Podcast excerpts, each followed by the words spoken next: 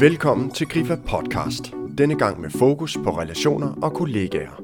Jeg hedder Jakob Fabricius og er udviklingskonsulent i Grifa.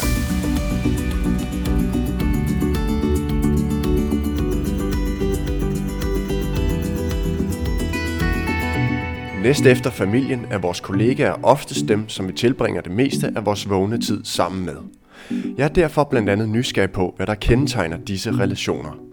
Og om der må være en grænse for, hvad det kollegiale fællesskab kan rumme. Hvor venskabeligt kan vi blive, og hvilken rolle spiller vores nære relationer uden for arbejdet i forhold til vores måde at være i arbejdet på. Alt det og meget mere taler jeg med en ekspert i familie og relationer om, Mathias Stølen Due. Mathias er psykolog, forfatter og direktør i Center for Familieudvikling. Jeg har mødtes med Mathias over en kop kaffe i et af deres kontorer på strøget midt i København, og fået, hvad der viser sig at være en ret interessant snak om parforhold, kollegaer og arbejdsliv.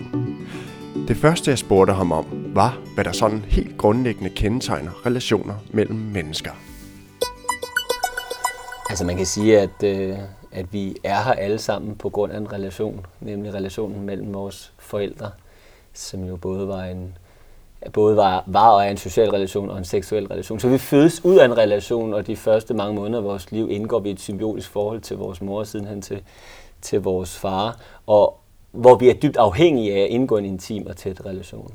Sidenhen vokser vi op og forelsker os, i hvert fald i den vestlige verden, en eller anden idé om, at vi er uafhængige individer. I USA, der fejrer man sågar den 4. juli en uafhængighedsdag, og jeg har nogle gange tænkt på, at det er lidt fjollet. Vi burde i højere grad fejre en afhængighedsdag. Altså fejre det, at vi er, vi er indviklet i relationer og er, og er, er dybt betinget af dem. Øhm, når jeg siger alt det, så er det bare for at sige, at vi er grundlæggende relationelle af øh, og i vores natur. Og af samme mm, grund, så er jeg optaget af at arbejde for at skabe så sunde og befordrende relationer som overhovedet muligt, fordi vi både ved fra forskning og fra vores egen private erfaring, hvor stor en forskel det gør i vores liv, når vi trives i vores relationer, og når vi mistrives i dem. Du er nok ikke den eneste, der mener det, men jeg ved i hvert fald, at I mener, at familien har en særlig plads, og den er meget vigtig. Kan du ikke sige noget om det? Hvorfor? Øhm, jeg kan sige rigtig meget om det. Jeg skal prøve at, at fatte mig i nogenlunde øh, korthed. Øh, der er en række forskellige undersøgelser, der påviser betydningen af familien. Øh, man lavede en stor undersøgelse på et tidspunkt, hvor man spurgte 1300 mennesker, øh, hvilken hvad betyder mest for jer i tilværelsen? Og de tre svar, der hyppigst kom frem, det var, øh, jeg ønsker mig en, øh, en, øh, et, et, et længerevarende parforhold og familieliv, og det andet var, jeg ønsker mig øh, et forbedret parforhold og familieliv, og det sidste var, jeg ønsker mig et andet parforhold. Alle tre svar indikerede, at parforhold og familieliv er det, som vi er mest optaget af fungerer. Øhm, og en anden tilsvarende undersøgelse har man spurgt til, hvad har størst betydning for din trivsel, for din oplevelse af livskvalitet, økonomi, arbejde, hobby osv. osv. Og der har igen ægteskabet, parforhold og familielivet bonget ud som de tre klart øh, mest dominerende svar. Så, så det hvis vi går til forskning, hvis vi bare går til vores egne liv, hvis jeg går til mit eget liv, så ved jeg jo bare, hvor stor betydning det har for min generelle trivsel, at min kone Anna og jeg har det nogenlunde med hinanden. Øh, og for bare for at give et eksempel på det, så er det jo ikke bare sådan, at hvis Anna og jeg har en diskussion, så så, så smitter det af på min relation til hende. Det har en global effekt på mig i den forstand, at hvis der er et eller andet mellem os, som, som er svært, jamen så kan det være, at jeg har svært ved at koncentrere mig på arbejdet. Øh, det kan være, at jeg har en kortere lunde, når en, en kollega eller en ansat øh, forholder sig kritisk til en af mine øh, beslutninger. Og det kan også godt være, at når jeg kommer hjem og skal være en mere eller mindre god far, at jeg har svært ved der at være opmærksom, fordi at Anna og jeg har det svært med hinanden. Så, så den måde, vi har det på med hinanden i privatsfæren, i særligt i parforholdet, har altså en, ikke bare en lokal effekt på parforholdet, men en global effekt på både parforhold, familieliv og, og også på arbejdsliv. Og hvis man skulle prøve, og nu trækker du allerede trådene til, til arbejdslivet og siger, altså, hvordan du har det dit parforhold, det smitter direkte af på dit, dit arbejdsliv. Og nu er vi jo de fleste af os i hvert fald omgivet med kollegaer, og det, der vil gøre sig gældende for kollegaer, det er vel det er egentlig de mennesker, vi bor mest tid i hverdagen med, udover vores sådan, nærmeste familie. Hvad, er der nogle særlige kendetegn ved de relationer, der er mellem kollega og kollega i ja. forhold til familie? Øhm, forhåbentlig er der den distinktion mellem familielivet og, og vores kollegaer, at, øh, at det er mindre seksuelt kendetegnet på arbejdet end derhjemme. Øhm, lidt i sjov og alligevel alvorligt talt, så har man jo alligevel hen over de seneste årtier kunne konstatere en intimisering af arbejdslivet, og med det menes der jo, at, at vi på arbejdspladsen er mere vågne, vi har været i bad, dem af os, der kan nå det om morgenen, vi har nogenlunde pænt tøj på, og vi, og vi er på, øhm, og vi øhm, på mere sådan, man skal sige, innovative og spændende arbejdspladser, jamen der er der spændende udviklingsmøder og øh, spændende udflugter og sådan. Og når man så kommer hjem, jamen, så smider man øh, måske i bogstaveligste forstand den flotte habit. Øh, man er træt, man er udmattet, øh, hvorfor alt det intime bliver et alt for stort ork. Øh, så, hvis vi skal, så på mange måder har arbejdspladsen og familielivet gået hen og byttet lidt roller. Øh, for intimisering menes der ikke kun, at vi har seksualiseret arbejdspladsen, og den er blevet en arena for udveksling af, af drømme og forhåbninger og, og, og sådan, men den er også blevet intimiseret i kraft af, at vi i højere og højere grad indgår i venskabelige relationer på arbejdspladsen og spørger ind til hinandens weekend og hinandens uh, privatliv. Så, så, så der er sket en, en, en opblødning der, som jo både er øh, kan være positiv, men som også kan være uheldig. Ja. For er det ikke sådan for de fleste, hvis man taler om ambitioner, så tænker man oftest på arbejde og karriere frem for at have ambitioner på familiens vegne? Absolut. Altså, der er jo, der er jo mus-samtaler, og man taler på i hvert fald på mange progressive arbejdspladser jo om et karriereforløb, og hvad skal du videreuddanne dig i, og hvilken karriere vil du gøre. Øhm, og noget af det, jeg bekymrer mig for på familiens vegne, også i egenskab af at være direktør for Center for Familieudvikling, det er, hvor uambitiøse vi bliver, når det gælder privatsfæren der er der ganske få, der holder øh, en, en mus-samtale. Det kunne måske hedde en pus-samtale, en par-udviklingssamtale. Øh, der er ganske få, der sætter sig ned og snakker om, hvad, skal, hvad er vores mål for, for næste år? Øh, hvordan kan vi have det bedre sammen som par og som familie? Og, og, og al øh, erfaring viser os jo på en arbejdsplads, at hvis det er, at vi skal skabe resultater, at vi skal blive mere produktive, effektive, vi skal højne trivsel, så starter med, at vi går i meta, at vi sætter os ned og evaluerer på, hvad går godt, hvad går mindre godt, og hvad skal vi gå anderledes, for at din trivsel kan forbedre sig, for at organisationen kan bevæge sig i en hensigtsmæssig retning. Jeg brænder jo for, at vi gør noget af det samme øh, i familielivet, evaluere på, hvordan det går. Og af samme grund, så har vi også sammen med Aarhus Universitet øh, udviklet konceptet, der hedder Partcheck, som netop øh, forsøger at, at strukturere øh, en sådan samtale rundt om, hvordan det går derhjemme. Netop ud fra en idé om, at, at det må være en sådan samtale, der danner basis for, at vi kan udvikle os i den retning, vi ønsker. Ser du nogle begrænsninger for, hvad det sociale fællesskab på arbejdspladsen skal kunne rumme? Altså for eksempel, kommer min kollega måske og, og midt i en skilsmisse. Hvordan skal jeg møde det som kollega, og hvor går mine beføjelser i forhold til at spørge ind til det og prøve at være en nærværende kollega? Det er et rigtig godt spørgsmål, og med godt spørgsmål mener jeg også, at det er et komplekst spørgsmål at svare på, som i høj grad er afhængig af den relation, man har til sin kollega, om det er en symmetrisk eller asymmetrisk relation, og så fremdeles. Øhm, hvis der taler om asymmetrisk relation, altså mellem chef og medarbejder, så er der absolut nogle ting, man som chef er nødt til at holde sig tilbage fra.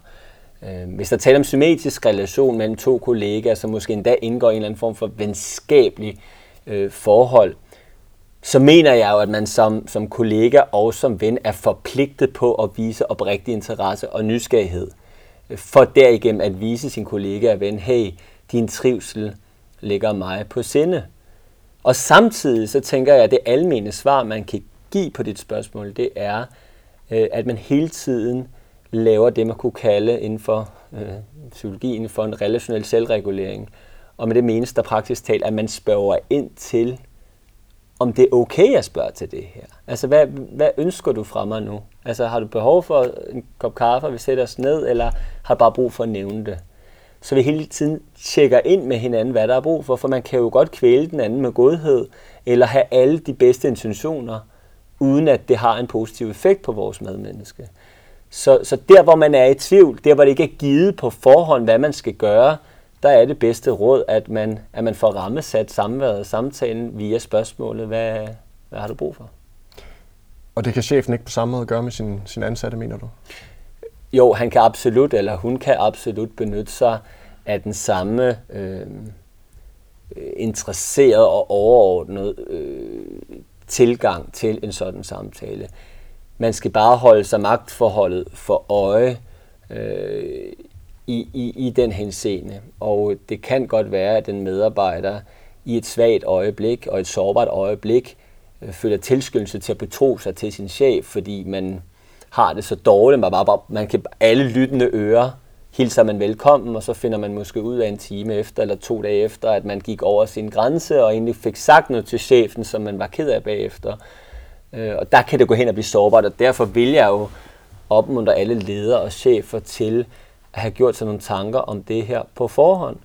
Øh, og vi, vi er også i, i øjeblikket i gang med at, at udvikle og diskutere, om, om vi kunne være med til at klæde ledere bedre på til at møde familiære problematikker. Jeg synes jo for så vidt, det er yderst uheldigt, at ledere sætter frugtkurve frem til medarbejderne og sender folk til massage på firmaets regning, men slet ikke har gjort sig tanker om, hvad man kan tilbyde mennesker, der lider af de familiære relationer.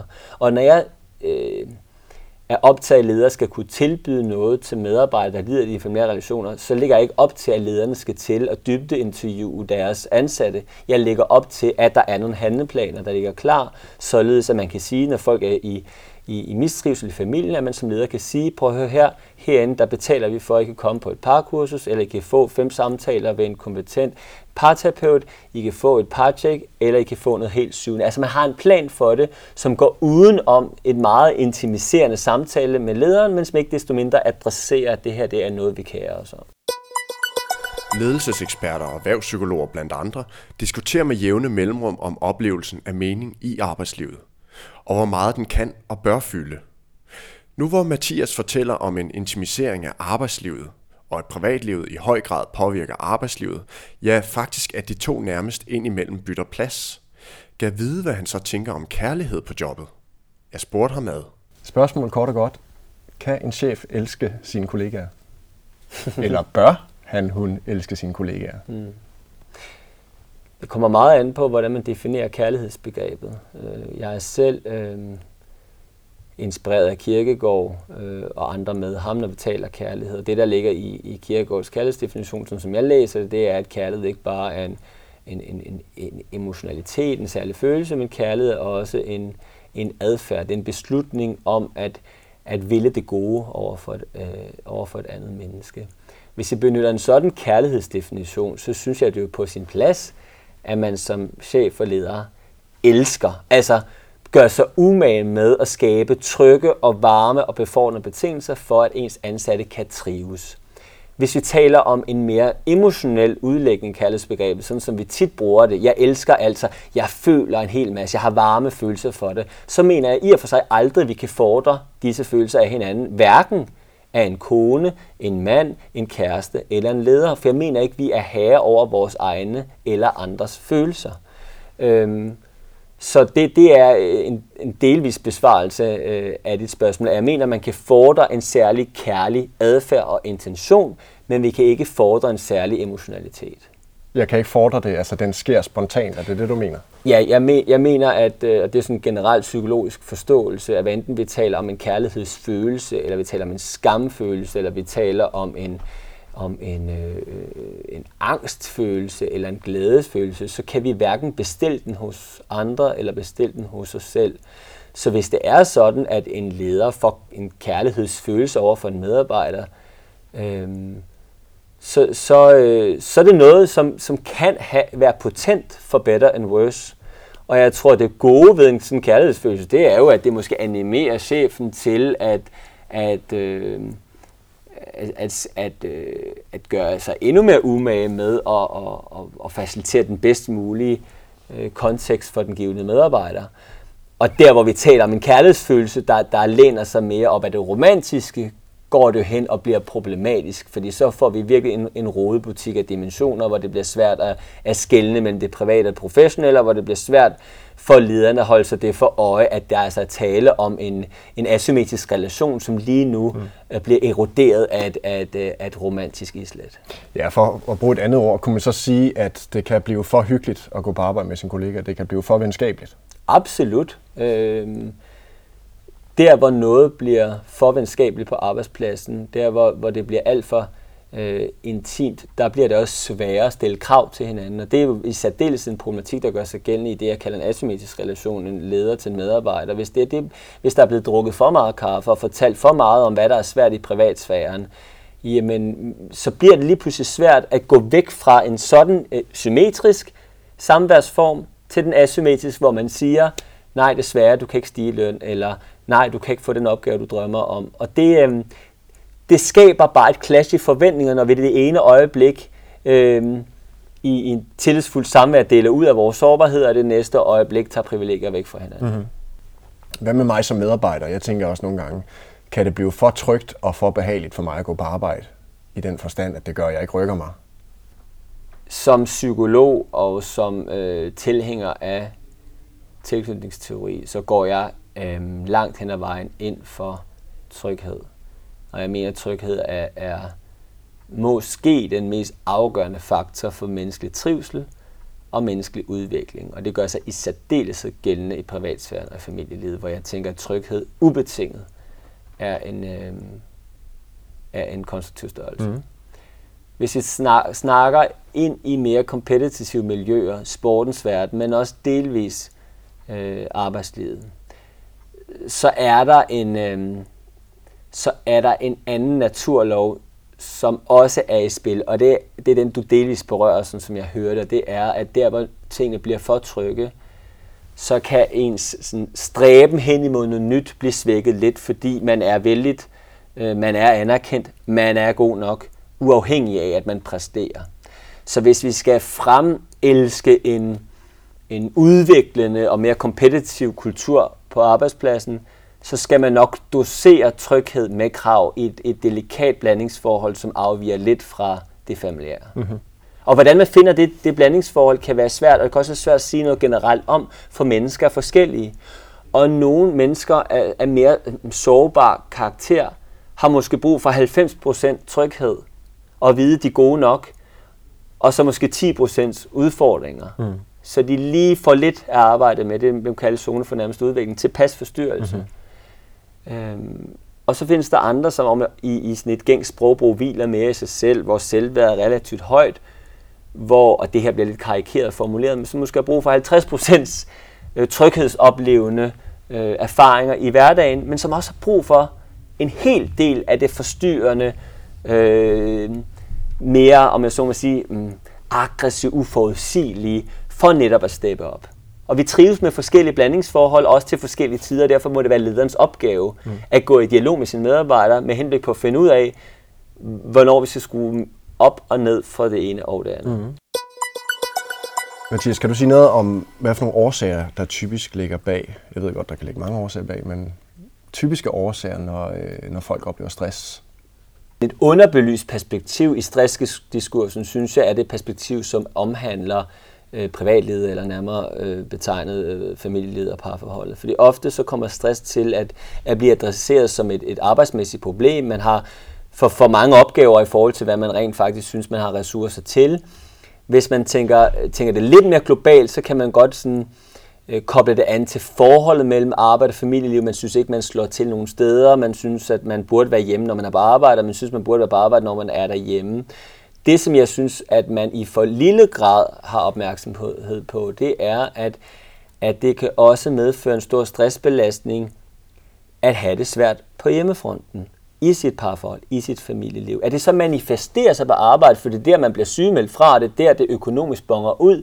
Det, det kan komme til at skygge for, hvad der er øh, sådan, det, det ondes rod.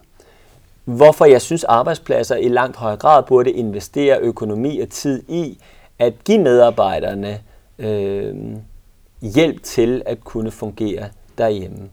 Øh, sende dem på, på parkursus. Ikke noget, de bliver tvunget til, men noget, man stiller til råd. Vi ved altså fra vores erfaring, at, øh, at, at rigtig mange mennesker ønsker hjælp til deres parforhold, også forebyggende, mens de godt kan lide hinanden, men, men man har måske hverken tiden eller økonomien til det. Øh, fra 2010 til 2015 blev vi støttet af satspuljemidler, således at vi kunne tilbyde par, parkurser til en, til en relativt lav øh, øh, ydelse. Og, og det væltede ind med mennesker, fordi det netop var billigt, og fordi det blev legitimeret af en offentlig instans. På samme måde, hvis det var, at virksomheder øh, kunne fortælle deres medarbejdere, at det her det er noget, vi tilbyder øh, gratis, så er de både med til at fjerne økonomiske barriere, og de er med til at brande det som noget, som er helt naturligt. Og, og, og hvis det var, at det blev naturligt for os at, at, at, at hente inspiration og sparring og hjælp til vores nære relation, mens vi stadig godt kan lide hinanden, så at sige, jamen så vil vi for det første forebygge skilsmisser og konflikter i parforhold, men også forebygge stress, som sidenhen vil manifestere sig på arbejdspladsen.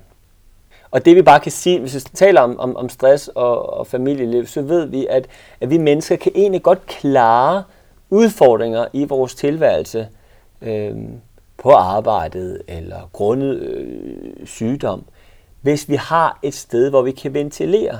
Altså at have, have det svært med kollegaen er jo aldrig sjovt, men hvis vi har en mand eller en kone og kæreste går hjem til at sige, at jeg synes, det er rigtig svært med alderen for tiden, jamen så ved vi, at det er afstressende, altså på et altså på molekylært niveau, altså vi reducerer mængden af kortisol i blodet, når vi får anden til at tale om det, vi synes, der er svært. Så det gør ikke så meget at have en irriterende chef, eller have en eller anden infight med en kollega i en given periode, hvis vi har et sted, hvor vi kan ventilere, hvor vi måske kan få nogle råd indimellem, hvor vi primært bare kan få lov til at sige det, vi oplever, og vi bliver mødt i det, så går vi revitaliseret tilbage, og så, og så er vi til stede på arbejdspladsen på en anden måde, fordi vi så at sige har en derhjemme, som støtter os. Hvad er der at sige om relationer, der går i stykker, og hvad gør det ved mig det, som er... medarbejder og kollega? Effekten af øh, et sådan en relationelt, øh, relationel nedsmeltning, eller effekten af et brud, hvad enten øh, den sker i en eller anden sammenhæng, er jo betinget af, hvor tæt man har været. Øh, hvis vi starter med den familiære, som er den relation, jeg typisk tager udgangspunkt i, så ved vi, at en, en skilsmisse eller et brud i parforholdet har en, øh, en ekstrem stor effekt. Vi ved, at øh, blandt børn, så er der omkring en sted mellem en fjerdedel og en femtedel, som 20 år efter en skilsmisse klarer sig markant dårligere på, på, på alle mulige parametre, såsom uddannelse og indtægt og trivsel i almindelighed. Og det er jo, det er jo alarmerende store tal. Man kan sige, det er bare en fjerde, femtedel, men det er rigtig mange mennesker. Og vi ved også blandt voksne, der bliver skilt, at det, det tager år at rejse sig igen for mange vedkommende.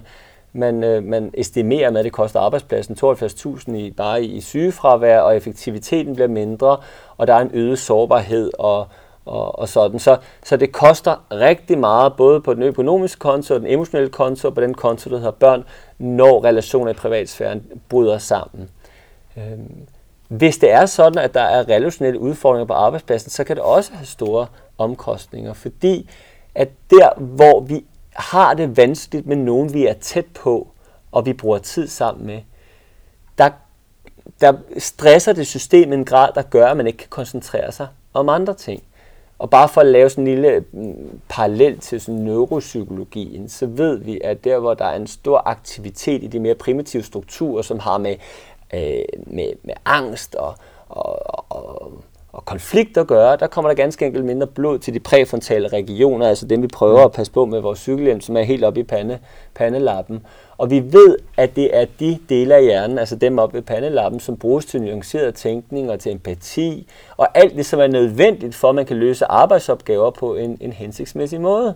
Så det bedste, man kan gøre som leder og som medarbejder på en arbejdsplads, det er at få det relationelle til at fungere. I første omgang på arbejdspladsen, og så, så i, i forlængelse af, af, af det, sørge for at have de strukturer, der muliggør, at man kan samle op, når folk har det svært derhjemme. Fordi fungerer det relationelle ikke, så tænker vi på alt det, som har med det at gøre, og har derfor hverken overskud eller idéer eller tid til at koncentrere sig om det, som arbejdsopgaven i virkeligheden handler om. Og hvordan sådan helt lavpraktisk tænker du, man som leder? Det kunne også være som kollega, kunne være med til at styrke det relationelle? Det er jo alt for, at man, øh, man strukturelt set har nogle, nogle møder, hvor man hører om, hvad vi hver især laver, således at man at det bliver synligt, det man har gang i, og man ikke føler, at det er ligegyldigt, det man går og laver. Så det er sådan det mere det strukturelle, ikke? og man også har mus-samtaler, og man husker at, at, at, at få spurgt ind til, hvad folk laver.